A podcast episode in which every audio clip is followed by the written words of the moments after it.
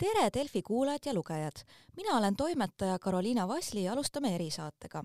ja täna peatume koroona teemadel, et kõrvalt võib tunduda, et praegu ei olegi nii aktuaalne, et õues päike särab, valmistume suveks ja õnneks on nakatumisnäitajad väga alla läinud. aga ega sügis ka enam mägede taga pole ja eelmine nädal just Sotsiaalministeerium tutvustaski valmisolekukava, et kuidas minna vastu uuele koroonahooajale, mis me loodame, on leebe, aga loomulikult ei tea, ei saa ka välistada negatiivseid stsenaariume ja külaliseks on meil täna Sotsiaalministeeriumi terviseala asekantsler Heidi Alasepp, tervist!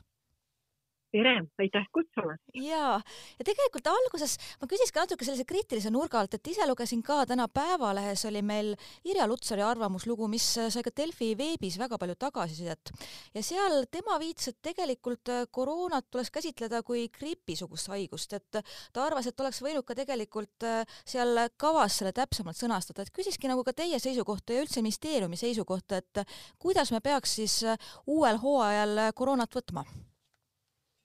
jaa, et tõepoolest tõsi see on, et eelmisel nädalal ka valitsuses me tutvustasime Covid-19 valmisolekukava kaks tuhat kakskümmend kaks, kaks, kaks tuhat kakskümmend kolm viirushooajaks.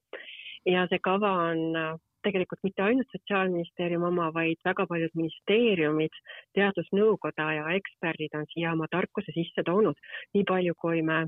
nagu me oleme ise juba peaaegu kõik ju pandeemias eksperdiks saanud, et äh, ega viirus on ettearvamatu ja targem on tema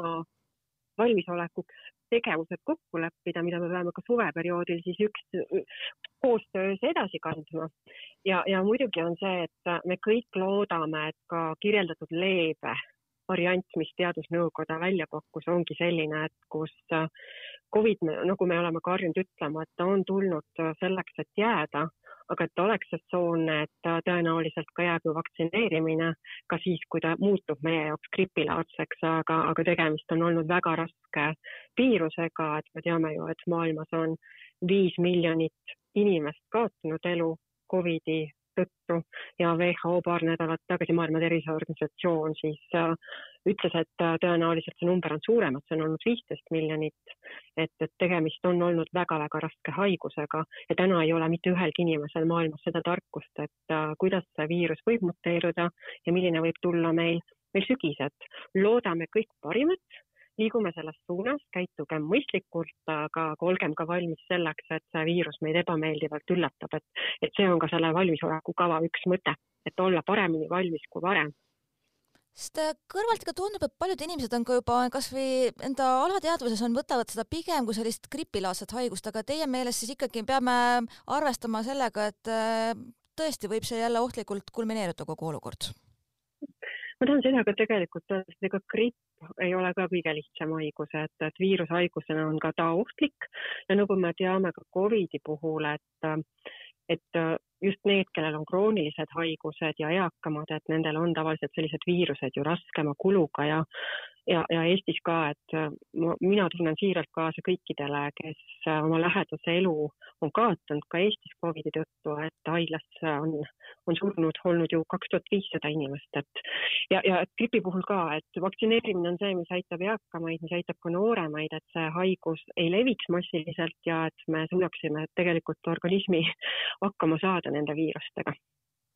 Kui me räägime nendest äh, kolmest stsenaariumist, et äh, ma saan aru, et ega seal nii rangelt ka pole mõõdetud, et kuidas me täpselt äh, ütlemegi, et see mingi olukord läheb sinna esimese stsenaariumi alla, teise alla, et natuke need piirid on ka seal hägusad või on ka plaanis veel kuidagi neid mõõdikuid ka veel seal täpsustada, et selgemini siis ka defineerida, et kui me seal sügises oleme selle olukorraga vastakuti, et mis stsenaarium meil rakendunud on no tegelikult ma arvan, et, et need piirid väga hägusad tegelikult ei ole, et, et tõepoolest, kui me räägime sellest, et teadusnõukoda, siis teadlased omavahel arutasid läbi, et mis võiksid olla need võimalikud stsenaariumid, et, et kuulajatele ka lihtsalt illustratiivseks, et leebe, raske ja, ja uus pandeemia, et kus siis võib olla täiesti mingi uue haigusega tegemist. et, et ma arvan, et meile kui tervisespetsialistidele on see selge ja meil on kokku lepitud ka mõõdikud, et mida me siis nakatumisnäitajate puhul ka jälgime, et Eestis on olemas ka selline maatriks, mis on haiglaravi seisukohalt ääretult oluline ja, ja, ja, ja kui võtta ette see valmisoleku plaan, siis meil on sinna välja toodud ühiskonnana tegelikult kolm väga suurt eesmärki. üks on siis see, et me oleme, peame tagama valmisolekut uueks laineks ja see tähendab seda, et me seirame, me jälgime, me oleme olukorrateadlikud, et siia alla kuuluvad nii meie enda analüüsid, mida me Terviseametis saame teha, pluss see, et me oleme oleme rahvusvahelistes koostöövõrgustikes ja organisatsioonides, et infovahetus peab olema väga-väga suur, et õigel ajal reageerida, et see on meil üks suur eesmärk meiega koos siin kõigil Eestis. siis teine on see, et meil on elanikkonna tervisekaitse ja teenused tagatud, siia alla siis kuulub vaktsineerimine, testimisvõimekus ja testimise valmisolek ja ka see, et kui tegelikult siis nakkus läheb hullemaks ja hakkab levima kiiremini, et me oleksime kiiremini võimelised ka testima hakata ja siis tagada loomulikult tervishoiuteenused, et mis on siis väga-väga olulised ja, ja ka nende punktide jälgimine, et me tervishoiuteenuse osutamistega saame hakkama, et meie kiirabi, meie peremeditsiinisüsteem, meie haiglavõrk võimaliku suurema koormusega toime tuleks, et need on tegelikult väga olulised indikaatorid. ja kolmas selline suur eesmärk, mis meid kõiki puudutab, on tegelikult see, et me tahame ühiskonda avatuna hoida. ja, ja siin on tõepoolest suured tänud kõikidele teistele haldusaladele, ministeeriumitele, haridusministeeriumile, majandusministeeriumiga, kellega me tegelikult eelmises laines koostöös olime ja, ja kus teadlikkuse kasvatamine, koolides testimine, et ma arvan, et need on tegelikult äh, päästnud inimelusid. ja siis üks oluline teema, mis on juurde lisatud meie valmisoleku kavva, on, on kommunikatsioon. et meil oleks äh, info kiire liikumine, et meie sõnumid oleksid selged, et me teaksime igaüks Eestis, mida me mingitel hetkedel tegema peame ja loomulikult ka juhtimine. ja juhtimisega ongi see, et äh, kui tegemist on tervisevaldkonna hädaolukorraga, siis see juhtimine on Sotsiaalministeeriumis, kuid nagu me teame, et äh, üks kriis teisele, mis meid maailmas siin ka tabanud on lisaks äh, pandeemiale, julgeolekukriisid, et tegelikult koostöö Riigikantseleiga ja õigeaegne nendega info vahetamine ja vajadusel siis ka laiema, laiema kriisisüsteemi käivitamine, et need on tegelikult hästi olulised ja need on hästi seotud selles valmisoleku kavas. et me teame institutsioonidena, kuhu poole me peame liikuma, mida me peame jälgima, et tagada Eesti rahva tervisekaitse tahtsingi just küsida, tegelikult te ka mõnele aspektile viitsite, mis ise olen ka mõelnud, et mis me eelmistest sügistest ja üldse hoo-, nendest koroonahooaegadest oleme õppinud, et mis oleks võinud parem olla, et mulle endal kõrvalt on näiteks tundunud just see kommunikatsiooni pool ja võib-olla natukene ka juhtimisstruktuurid, et kuidas see asi läbi mõelda. või on teil veel midagi seal lisada või mis on sellised, kus on tõesti olnud kohti, mis on olnud kitsaskohad ja tuleb paremini hakkama saada? ma arvan, Karoliina, et te tegelikult ütlesite kaks väga-väga olulist äh, nüanssi ära et äh, kommunikatsioon on ääretult oluline, et äh, ka ekspertsõnumid on väga olulised, sellepärast et äh, tervis on teema, kus on palju arvamusi, et me peame lähtuma ikkagi tegelikult maailma tänasest ja kõige paremast tarkusest, et, et ma arvan, et kommunikatsioon peab olema hästi selge, et meil peavad olema seal õiged rollid selged ja lihtsad sõnumid ja, ja pluss see, et juhtimine, et info liikumine, struktuuride korrastatus, et, et kuna tõepoolest pandeemia puhul ei ole ju tegemist lokaalse sündmusega, et tegemist on kogu riiki ja paraku kogu maailma ja ähm, mõjutava, mõjutava väga raske olukorraga, siis juhtimine on väga-väga oluline kriisides. et ma arvan, et see eelmine laine oli selles suhtes väga-väga suur õppetund ja me püüdsime need tarkused ka sellesse valmisoleku kavva juba ennetavalt sisse kirjutada, et kuidas me saame järgmisel korral teha paremini. Ja, ja hullem veel, et me võtsime sellega seoses ka endale ülesanded, et suvel,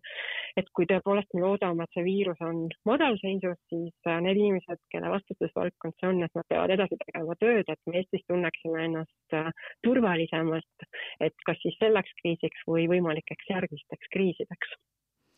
ja küsis ka siis vaktsineerimise kohta, mis on selgelt äh, hetkel see seis ei ole väga hea või kui me võtame hetkeseisuga, et hoog on raugenud vaktsineerimistempol, aga mis on siis seal plaanides teda jälle ergutada ja tuua inimesed vaktsineerima, kes on võib-olla praegu mõelnud, et ah, mis seal ikka, et enam ei ole nii suur probleem koroona ja ma tegelikult mõistan seda suhtumist, eriti praegu, eks ilusal kevadel ja, ja tuleval suvel, kus tegelikult arvatakse, et viirus ei ole ju aktiivne. aga muidugi ma just rõhutan, et hästi oluline on see, et need pluss kuuskümmend aastat vanad inimesed meil saaksid vaktsineeritud, et esimese-teise doosiga ja tõhustusdoosiga, et me teeme ju ka tõhustusdoose praegu ja see valmisolek, et me selle kuu lõpus on meie, meie ekspertidest immunoprofülaktika komisjon kogunemas, kus siis ka arutatakse, et milline valmisolek meil tegelikult sügiseks peaks olema. et ma, ma, ma tooksin võib-olla neid häid näiteid, et et meil ühiskonnas tervikuna tõesti, meil on eesmärk, et et see oli, see oli, see eesmärk ei ole ainult Eesti eesmärk, et see oli ka soovitus rahvusvaheliselt, et kaheksakümmend protsenti kaksteist pluss elanikkonnast võiks olla vaktsineeritud, et tagada selline normaalne, jätkusuutlik ja avatud ühiskond ja et oleksid võimalikud väiksed tervis- ja inimelude kaod, siis meil kuuskümmend pluss elanikkonnast tänaseks on vaktsineeritud seitsekümmend kaheksa protsenti, et, et meil on veel minna ja sellega me teeme tööd, et noh, näiteks tõesti ma toon väga eesrindlikult välja meie hooldekodud, kus vaksinatsioon oli üheksakümmend protsenti, et need on meie kõige haavatavamad äh, inimesed ja, ja nende vaktsineerimine on hästi oluline ja, ja paraku on ka nende viirushaigustega ju nii, et need, kes me oleme terved ja nooremad, et ka viiruse levikut takistada, sest see meie vaktsineerimine aitab ka. ja ma siinjuures panen tegelikult inimestele ikkagi südamele, et kui te ka täna lähete külla oma eakamatele lähedastele või nendele, kellel on rasked kroonilised haigused või on seljatanud vähi näiteks, et, et see kiirtestiga enesetestimine on üks, üks selline hoolimise näitamine, et kui sa oled Covid negatiivne, siis on sul palju rahulikum oma lähedastega, lähedastega suhelda, et tegelikult vaktsineerimine on jätkuvalt väga prioriteetne tegevus ja, ja mul on hea meel, et Eesti on see riik, kus on vabalt kättesaadavad maailma parimad Covid-19 vaktsiinid aga edaspidi siiski, kas äh, fookus läheb pigem nagu ikkagi riskigruppide, et nende vaktsineerimisele või ikka selline laiapõhiselt äh, ühiskonna vaktsineerimine üldse? ma arvan seda, et ma tahaks väga öelda, et jaa, et nii, nii nagu te ütlete, et, et ainult riskigrupid, aga nagu, nagu me teame ka selle enda valmisoleku kava tõttu, et, et stsenaariumid võivad erinevad olla ja, ja selle immuunsuse hoidmine, selle tõstmine on tegelikult prioriteet täna selle Covid-19-ga võitlemises. ja riskirühm on ikkagi tegelikult äh, heas mõttes kohustuslik, et, et see on elu ja surma küsimus, et, et äh, mul on tegelikult väga hea meel, et äh, meil nüüd kevadel valmis meie ministeeriumi poolt tellitud uuring, mis on tehtud Eesti teadlaste poolt ja see on Covid-19 haigusjuhtumite analüüs ja riskirühmade väljaselgitamine Eestis. et sellest lõpparuandest ma tooksin teile sellised võib-olla drastilised näited kogu selle Covid-19 ägeda faasi kohta, et meil olid, meil on Eestis olnud tegelikult viissada seitsekümmend kolm tuhat inimest positiivse Covid testi nende aastate jooksul ja kuus koma viis protsenti nendest nakatunutest on olnud haiglaravil ja iga neljas, kes siis oli haiglaravil, on olnud intensiivravil ja, ja ägedas faasis suri üks koma viis protsenti nakatunutest, et need on tegelikult väga drastilised numbrid. Ja loomulikult ka selle uuringu tulemus ei eristu mujal maailmas tehtud uuringutest, et, et väga suur riskitegur on vanus ja, ja mitmed erinevad haigused nende inimeste juures, et, et see, see ka tervete panustamine solidaarselt sellesse, et meie eakamatel ja, ja riskigruppi kuuluvatel inimestel oleks oleks riskivabam, et, et see on kohustus ja ma arvan, et see on ka privileeg omada, omada oma, oma inimesi kõiki meie ümber, et see on, see on viirushaiguste puhul väga-väga oluline. ja võib-olla üks niisugune tervisekao koht, mis Covidi puhul on ja, ja, ja mis jääb meid tegelikult pikemaks ajaks saatma, on, on pikk Covid, inglise keeles siis long Covid, et seesama minu poolt eelnevalt viidatud Tartu Ülikooli uuringust tuli ka välja, et, et iga, igal viiendal Covid positiivsele on meil välja kujunenud pikk Covid. Ja, ja need on sellised raskesti, raskesti ravile alluvad väsimustega, liiges-lihasvaludega kaasas käivad haigussümptomid, et, et see tervisekahju on lihtsalt niivõrd suur, et, et teadupärast see vaktsineerimine on üks selline tõhusam moodus, mis kõike seda aitab vähendada, et, et öelda nii, et sügisest me vaktsineerime ainult eakaid, ei oleks minu poolt täna õige, et seda tuleb kõike monitoorida. Ja noh, ka lootuses, et vaktsiinid lähevad järjest täpsemalt, järjest paremaks, vaatamata sellele, et meil on praegu maailma parimad vaktsiinid, et et sellega tegelikult inimesed tegelevad, et meie Eesti Haigekassa sellise pailapse nimega Tervisekassa on meie vaktsineerija, vaktsineerimise korraldaja ja, ja ka sügisest äh, kogu see vaktsineerimiskommunikatsioon koondub ka sinna, et, et veelgi paremini inimesteni jõuda ja selgitada, et, et miks see vaktsiin on siis hea. ja, ja mis kõik meie turvatunnet ju aitab, et seesama, ma ei tea, kas see on õppetund või see on selle Covid pandeemia mm, selline hea tulemus, et, et meil on ka ju võetud vastu patsiendikaitseseadus koos vaktsineerimisega võimalike kõrvaltoimede kahjus, kahjusüsteemiga, et, et need on võib-olla selle Covid pandeemia heas mõttes õppetunnid, millest on laiemalt kasu kui, kui ainult tänastel patsientidel ja veel täpsustavalt küsin, et saan aru, et sügisest ikkagi ka just tõhustusdoosid ja ilmselt äh, edaspidi ka siis neljas tõhustusdoos, et on, tõhustusdoos on soovitatav siis kõigile, mitte ainult riskigrupp, äh, vaid ütleme ka noorematele inimestele ja jah, üldse kõigile, et. Ja ikka,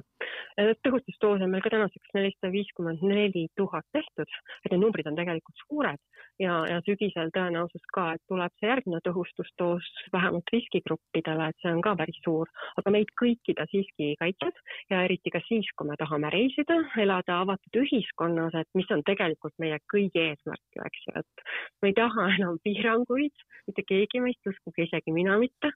et, et need on need millega me saame seda ühiskonda nagu paremaks teha ja, ja kui ma tegelikult vaatasin, et meil on maailmas kuus miljardit tegelikult juba vaktsineeritud, siis meil on tegelikult lootus päris suur. ja, ja siinjuures minul on jälle uhke tunne selle üle ka, et Eesti on, on see riik, kes on ka kaasa aidanud sellega, et vaesemad riigid saaks vaktsiine, et me oleme ka olnud päris head vaktsiinide annetajad, nii et me võime ühiskonnana endale teha selle eest ühe pai mul üks äh, küsimus on veel lõpetuseks, mis on mul ka tuttavad, äh, kes on lapsevanemad, on uurinud ja et kuidas, kuidas sellega lood on, et kas koolides ikka selline testimine, mis kujunes selliseks tavapäraseks rutiiniks, äh, jätkub ka sügisel samas vaimus, et koole lahti hoida?